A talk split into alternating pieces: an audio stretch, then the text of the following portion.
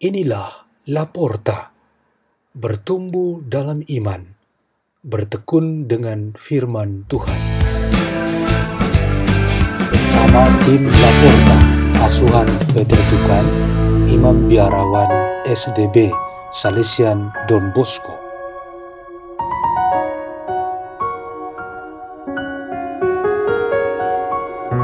Bacaan-bacaan dan renungan Sabda Tuhan hari Minggu biasa ke-6, 14 Februari 2021.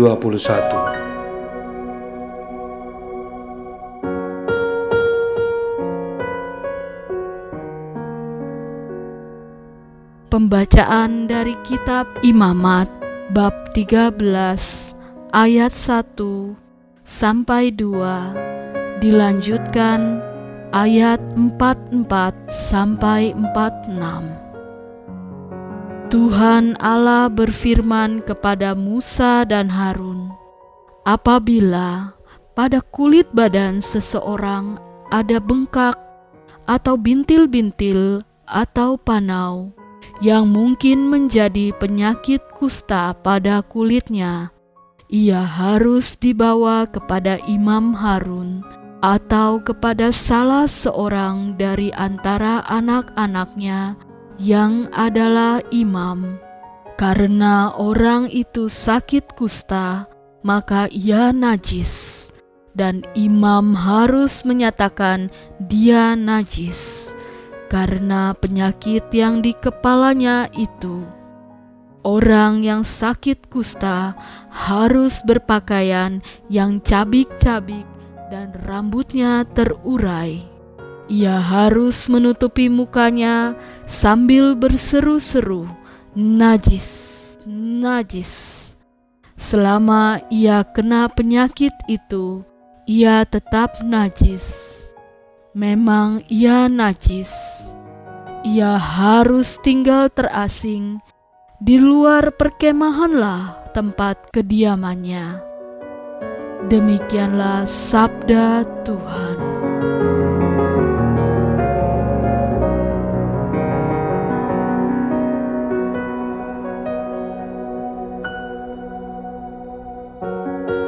Bacaan dari surat pertama Rasul Paulus kepada jemaat di Korintus. Saudara-saudara, jika engkau makan atau minum, atau jika engkau melakukan sesuatu yang lain, lakukanlah semuanya itu untuk kemuliaan Allah. Janganlah kamu menimbulkan syak dalam hati orang, baik orang Yahudi maupun orang Yunani, maupun jemaat Allah. Sama seperti aku juga berusaha menyenangkan hati semua orang dalam segala hal, bukan untuk kepentingan diriku, tetapi untuk kepentingan orang banyak, supaya mereka beroleh selamat. Jadilah pengikutku, sama seperti aku juga menjadi pengikut Kristus. Demikianlah sabda Tuhan.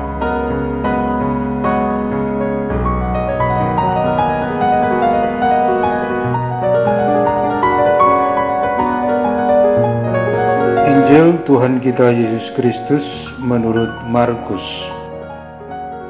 Sekali peristiwa, seorang yang sakit kusta datang kepada Yesus.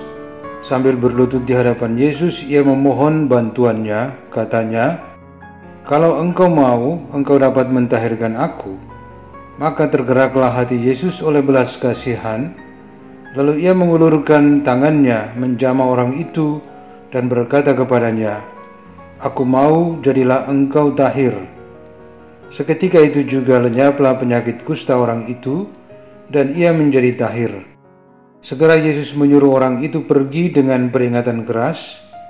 Ingatlah, janganlah engkau memberitahukan hal ini kepada siapa pun, tetapi pergilah, perlihatkanlah dirimu kepada imam, dan persembahkanlah untuk pentahiranmu persembahan yang diperintahkan oleh Musa sebagai bukti bagi mereka.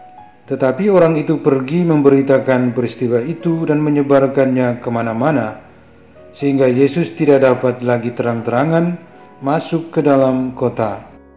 Yesus tinggal di kota di tempat-tempat yang sepi, namun orang terus juga datang kepadanya dari segala penjuru. Demikianlah Injil Tuhan.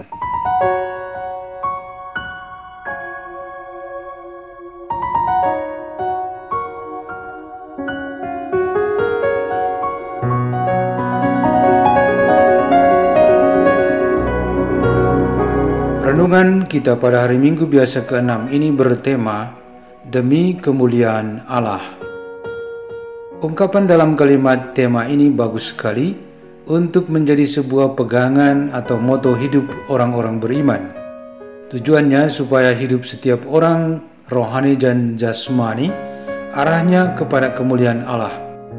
Kongregasi para imam dan bruder pengikut Santo Ignatius Loyola bahkan memperkuat itu dengan menjadikannya demi kemuliaan Tuhan yang lebih besar. Pertanyaan sederhana begini, apa yang dimaksud dengan kemuliaan Allah? Maksud dan maknanya ialah kehendak Tuhan terjadi bukan pada dirinya, tetapi pada ciptaannya. Dan manusia adalah yang istimewa untuk terjadinya semua kehendak Tuhan. Yang dikehendaki ialah damai dan sejahtera bagi hidup setiap keluarga, suku, masyarakat, dan bangsa. Itu adalah wujud kemuliaan Tuhan. Yang dikehendaki ialah hidup bahagia dan keselamatan jiwa-jiwa orang beriman. Itu adalah kemuliaan Tuhan yang dicapai. Bacaan-bacaan kita pada hari ini menerangi kita tentang perwujudan kemuliaan Allah sebagai tanda konkret iman Santo Paulus memberikan nasihat bagi setiap pengikut Kristus untuk memenuhi hidupnya dalam segala aspek untuk kemuliaan Allah. Caranya ialah dengan menyenangkan hati semua orang dalam segala hal, yang tujuan utamanya ialah keselamatan. Sikap seperti ini dilakukan tidak hanya oleh Paulus, tetapi yang paling utama ialah teladan Yesus Kristus sendiri. Sementara hukum Musa mewajibkan anggota masyarakat dan umat Allah menyingkirkan para penderita penyakit kusta dan mereka cukup saja disamakan dengan sampah, Yesus justru membalikan hukum itu. Ia menjadikan yang terkucil itu saudaranya, mendekati, merangkul, dan menyembuhkan. Setelah itu, ia membimbingnya untuk kembali menyatu dengan kehidupan bersama di dalam masyarakat dan jemaat. Ini adalah satu contoh kemuliaan Tuhan, yaitu bukan mencerai-beraikan, pengucilan, peminggiran, dan diskriminasi, tetapi memulihkan, menyatukan, dan menyelamatkan. Kusta jasmani bisa berbentuk berbagai jenis sakit tubuh yang pasti merepotkan banyak orang, khususnya orang-orang terdekat. Harus ada banyak pengorbanan yang dilakukan untuk penyembuhan pemulihan, pengintegrasian kembali dalam hidup bersama. Ada juga kusta rohani yang merupakan kehidupan dalam sendirian, kesepian ditinggalkan, pengucilan, pengasingan, depresi, tekanan, dan penindasan sebagai orang yang lemah, kecil, dan sedikit. Kusta dalam jenis ini terdapat di mana-mana dan sering tidak dihiraukan. Orang tidak serius menanganinya maka untuk mewujudkan kemuliaan Allah, kita meminta Tuhan untuk campur tangan dan terjadilah kehendaknya terhadap sakit-sakit kusta ini. Marilah kita berdoa dalam nama Bapa dan Putra dan Roh Kudus. Amin. Ya Bapa yang Maha Baik, pada hari ini kami dipenuhi karuniamu yang memulihkan kami jiwa dan raga yang memiliki kekurangan dan sakit dalam situasi yang berbeda-beda. Bapa kami yang ada di surga, dimuliakanlah namamu. Datanglah kerajaan menjadilah kehendakmu. Di atas bumi seperti di dalam surga. Berilah kami rezeki pada hari ini dan ampunilah kesalahan kami. Seperti kami pun mengampuni yang bersalah kepada kami. Dan janganlah masukkan kami ke dalam pencobaan, tetapi bebaskanlah kami dari yang jahat. Amin. Dalam nama Bapa dan Putra dan Roh Kudus. Amin. Porta, la porta.